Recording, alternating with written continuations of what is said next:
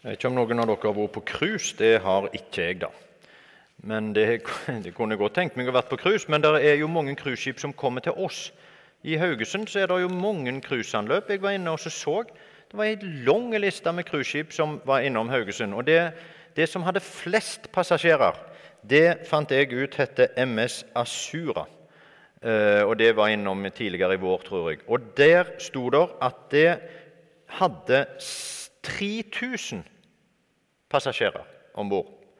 Eh, og så leste jeg videre om det, den, det skipet, da, det cruiseskipet, at det hadde altså 3000, eller litt over 3000 passasjerer og 1557 eh, ansatte, eller som jobba om bord i båten.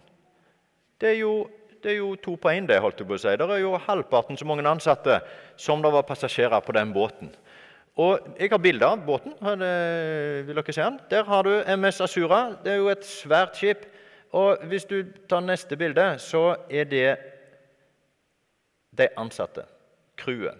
Eller noen av de. Det er sikkert en annen båt, da, men det var et fint bilde av sånn ansatte på et cruiseskip. Og Poenget var at de har jo uniformer og er kledde sant, vel i, det, du, sånn at du skal gjenkjenne når du er om bord, hvem som er ø, ansatt. Neste bilde, da som er liksom der for å uh, servere og, og, dandere og legge alt til rette for deg, og hvem som er andre cruisegjester.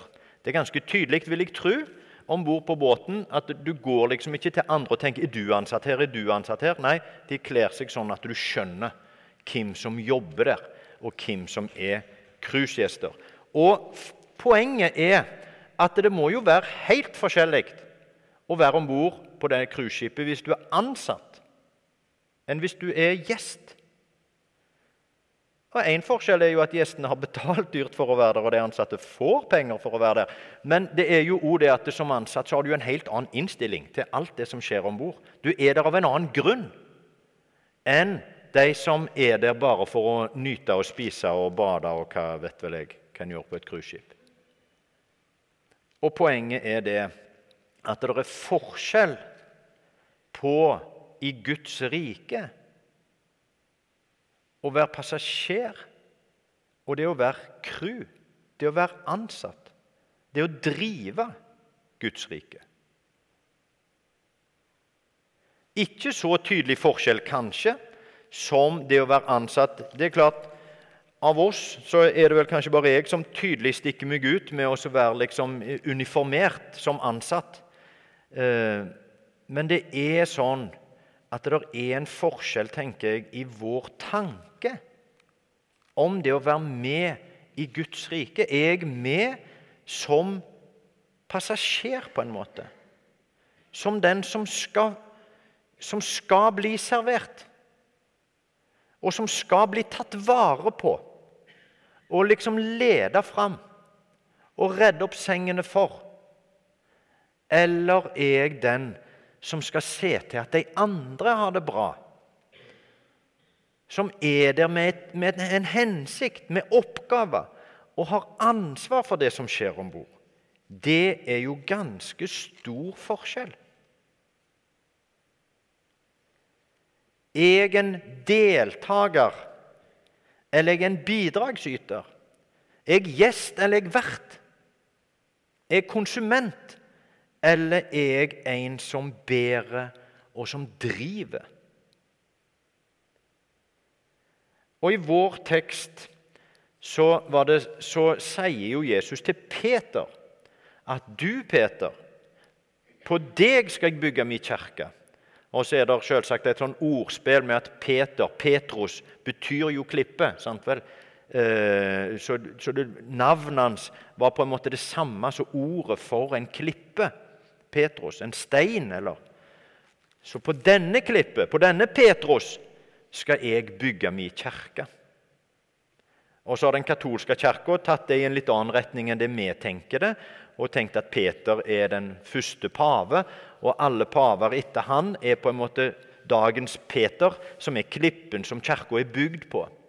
Vi tenker det i, i, en, i en videre, litt mer overført betydning at det, det, som Peter var, det som han sto for Hva var det med Peter? som gjorde at han ble kalt klippen som kirka skulle bygges på. Hvordan kunne Jesus satse på Peter? Jo, teksten sier jo det. At hvem sier dere at jeg er? Hvem sier folk at jeg er? Jo, de sier store ting om Jesus. Det var jo viktig, det var jo gjen, Han var jo en gjenoppstått profet. Det var jo profeter som var døde for lenge siden, som de foreslo. Så det var, jo, det var jo enorme vitnesbyrd at Jesus skulle være Jeremia og Elia. Men hvem sier dere at jeg er? Og så sier Peter, 'Du er Messias, den levende Guds sønn'. Og så sier Jesus noe. Denne bekjennelsen, Peter, sier denne åpenbaringen, denne kunnskapen som du har, det, som, det vitnesbyrdet som du nå gir, det er det ikke mennesker som har gitt deg. Det har du ikke kommet på sjøl. Men det er Gud sjøl som har åpenbart dette for deg.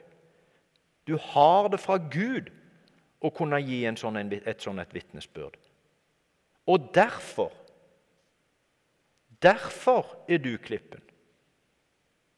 Ikke fordi du er så veldig godt egnet og du er så perfekt og gjør aldri dine feil. Det vet vi jo at Da, da måtte han ikke valgt Peter men fordi du har fått åpenbaringen om at Jesus er Messias, den levende Guds sønn, som er det helt sentrale bibelske, evangeliske vitnesbyrdet, nemlig hvem er Jesus? Han er den lova, han er Messias. Og han er sønn av den levende Gud, og han kom som verdens frelser. Det er det helt sentrale bibelske vitnesbyrdet. Og det sa Peter, og Jesus anerkjente det, samtidig som han sa du har ikke funnet på det sjøl, du har fått det, Peter. Og fordi du har fått dette, fordi dette er åpenbart for deg, så er du det som mi kirke skal bygges på. Og det er sånn Gud jobber. Det er noe, et ord som heter inkarnasjon. et viktig sånn, teologisk begrep. Inkarnasjon det betyr eh, på, kjøttpåkledd. Altså det også, at noe blir påkledd kjøtt, altså fysisk. Det åndelige, det usynlige, ikler seg det fysiske synlige. Og inkarnasjon, da er det Jesus sant vel, som er Gud, den usynlige Gud fra åndssfæren som blir kjødelig, fysisk menneske. Det er inkarnasjon. Han ikler seg kjøtt. Men inkarnasjon er jo et begrep som brukes i flere. Dåp er jo en inkarnasjon. Det, altså det åndelige som skjer i dåpen, knyttes til det fysiske vi bruker i dåpen. Vannet blir et, et middel for å formidle det åndelige.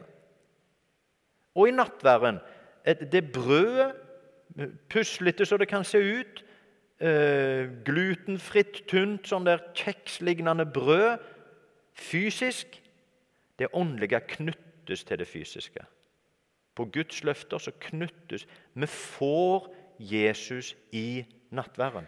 Det er ikke bare liksom eller til minne om, men vi får Jesus. Det er inkarnasjonen. Gud knytter det åndelige til det fysiske. Og det fortsetter med Peter. Jesus sier, 'Du, Peter, du er en inkarnasjon.' Det åndelige er i deg. Det er åpenbart for deg, den åndelige virkeligheten. Og derfor kan jeg knytte meg, derfor kan jeg bygge mitt rike på deg. Og det er oss. Vi er Guds vi, representerer Guds tilstedeværelse i dag. Og det er helt konkret. Fordi vi hører Guds ord, og Ånden virker på oss og skaper troa i oss, så kan vi vitne om at Jesus er Messias, den levende Guds sønn. Det er jo vårt vitnesbyrd. Og vi har heller ikke funnet på det sjøl, men det er gitt oss. Det er åpenbart for oss. Vi er mottakere av det. Og derfor er vi en form for inkarnasjon av Gud. Det åndelige som vi kan tenke på og, og henvende oss til i, i bønn, det knyttes til, konkret til oss. Deres kropp er åndens, le, er åndens tempel, står der. Vår, vår kropp blir åndens tempel, åndens bolig. Og når vi gjør godt, f.eks., så er det for mennesker et uttrykk for Guds godhet. Hvor mange mennesker har ikke opplevd eh, hjelp fra et annet menneske som et bønnesvar? De ba til Gud, og så fikk de hjelp av et annet menneske. Og så var det sånn det virka. Det var det som var Guds svar på bønnen. Han knytta seg, han inkarnerte seg i et annet menneske og svarte og hjalp denne som ba. Det er jo sånn det virker. Det er sånn Gud virker. Han knytter seg til den fysiske verden og gjør det tilgjengelig for oss. Han har jo ikke funnet på inkarnasjonen i Jesus og i dåpen og i nattverden og i oss for å gjøre det vanskelig. Han har jo gjort det for at det skal være tilgjengelig. Jesus måtte jo komme for den profetene som formidla den åndelige virkeligheten. Det, det, det, nådde jo ikke fram. Gud nådde jo ikke fram med sitt budskap. Så han måtte sjøl bli kjøtt, komme, være tilgjengelig. De måtte se han og snakke med han og, møte han. Og Derfor har han også gitt oss dåp og nattverd, og derfor har han knytta det til oss. Det er ikke engler som svever rundt som mennesker kan Det er kanskje engler som svever rundt, men det er ikke det. Misjonsoppdraget er ikke løst med engler som svever rundt, og som møter mennesker i drømmer. Det òg. Noen Jeg sier ikke at det er feil, men det er ikke det som er Guds øh, hovedstrategi for å bringe sitt gode budskap ut. Det er vi som er Guds hovedstrategi for å bringe Guds gode budskap ut. Vi som har fått det åpenbart. Vi som kan istemme bekjennelsen at du er Jesus Kristus, Messias, den levende Guds sønn. Vi. Vi har fått noe som gjør oss egna og på en måte jeg holdt på å si forplikta, men i alle fall kalt til å være Guds stemme og kropp og hender i verden. Vær Gud i verden. Og hva kan jeg? Hva muligheter har jeg? Hva er det med meg ja, Det grunnleggende er at vi har fått åpenbaringen om hvem Jesus er. Derfor. Og så er det jo sånn at Guds oppdrag i verden er ganske mangfoldig. Det er jo ganske mye, hvis vi bare tenker liksom lokalt. Vår menighet, vårt fellesskap, så er det mange ting, mange tjenester. Det merker jeg jo nå, det merker jo jeg og Astrid i dag når det er sommer. og, og vi på en måte gjøre alt. holdt jeg på å si. Vi måtte sette på kaffen og blande saft og liksom før vi før vi gikk inn og begynte. Det er jo mange tjenester. Og det er jo mange behov og mange bønner som bes. Mange bønner Gud vil svare. Og mange mennesker som ikke kan bekjenne at Jesus er Messias, den levende Guds sønn og som dermed på en måte ikke har fått det. Sant? Som det ikke ennå er på en måte åpenbart for.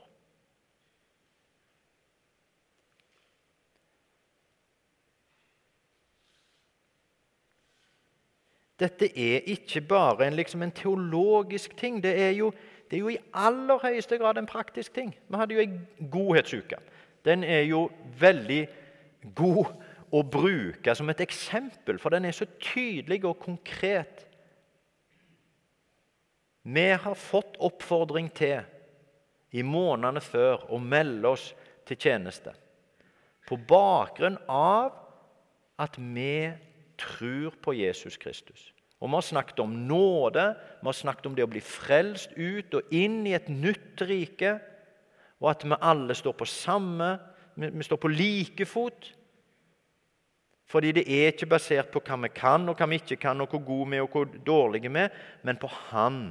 Og Derfor er vi alle like i møte med nåden og settes inn i et nytt rike.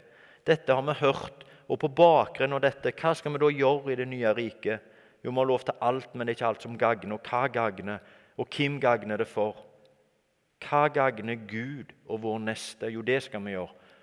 Og på, det, på den bakgrunn så er vi utfordra til å være med på godhet et helt konkret eksempel på hvor vi kan gå ut og hjelpe mennesker og vise Guds godhet fordi vi vet at Jesus Kristus er den levende Guds sønn. Og det er svar på konkrete bønner om hjelp fra mennesker i vårt nærområde. Som både ber godhet ved holdt jeg på å si, og Gud om hjelp til konkrete problemstillinger. Og så blir vi en del av svaret. Og På samme måte så er det mennesker i Estland som ber til Gud om muligheten for å få bygge et kirkebygg, sånn at det arbeidet som de bygger opp, og som de ser frukter av, og som de brenner for, og som de er kalt til, kan få vokse videre og utvikle seg, og de kan nå flere mennesker med hjelp og matposer og et omsorgsfullt fellesskap og alt det de gjør. Og så er det oss og ganske mange andre menigheter som samler inn penger, som har basarer og hva som helst, for oss å hjelpe til å svare på den bønna. Det er så konkret.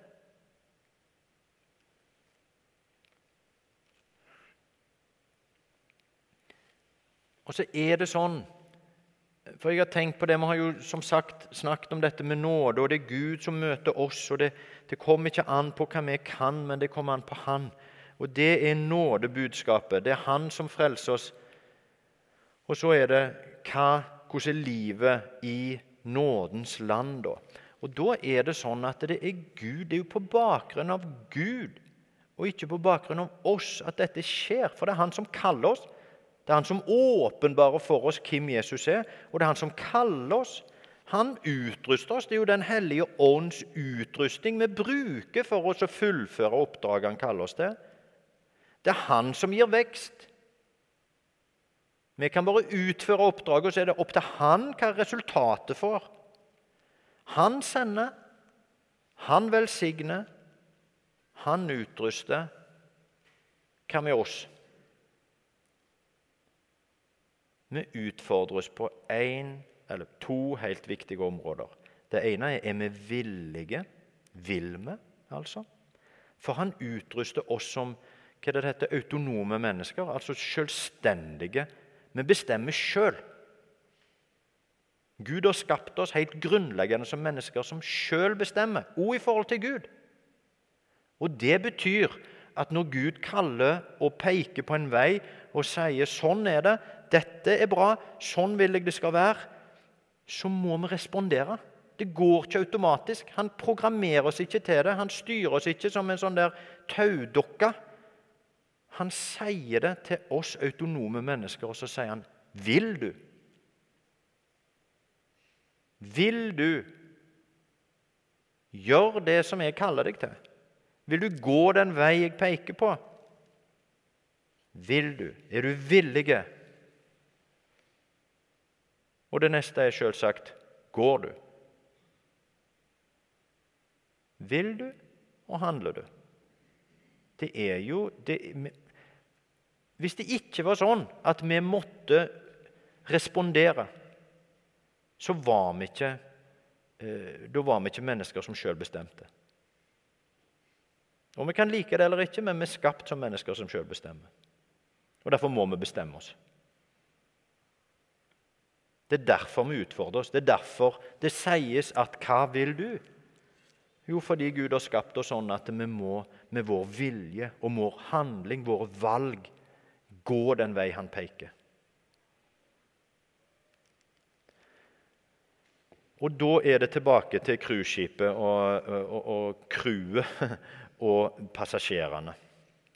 For det er en helt annen tanke i hodet å være crew, altså ansatt, og det å være passasjer. Og Den tanken i hodet skjer ikke bare når, når, det var min tur å lese teksten eller koke kaffe. Den tanken i hodet har jo noe med vår holdning 24 timer i døgnet, sju dager i uka. Hva er min holdning? Hvordan forholder jeg meg til reisen vår? Er jeg passasjer, eller er jeg crew? Det er helt konkret. Tenker jeg at det, at det er Er det i min tanke at mennesker jeg møter, er noen som kanskje har bedt Gud om noe, og som jeg var bønnesvarer for? Er det i min tanke? I, i sommerferien, liksom? Er det i min tanke at jeg skulle be for den som kjører i bilen foran når jeg er på biltur?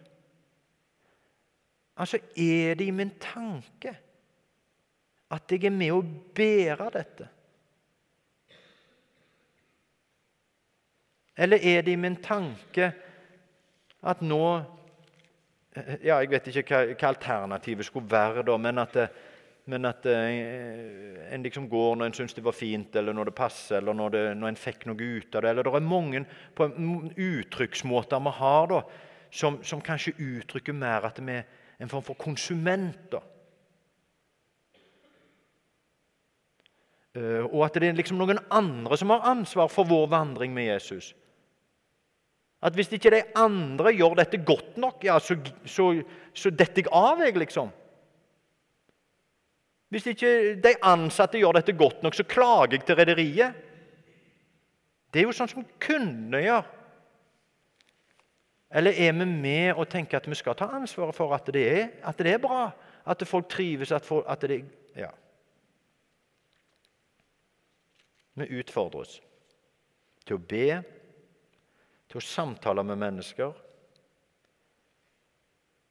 til å se de møtepunktene vi har inn i dette perspektivet, at vi er på reise, og jeg er en del av crewet.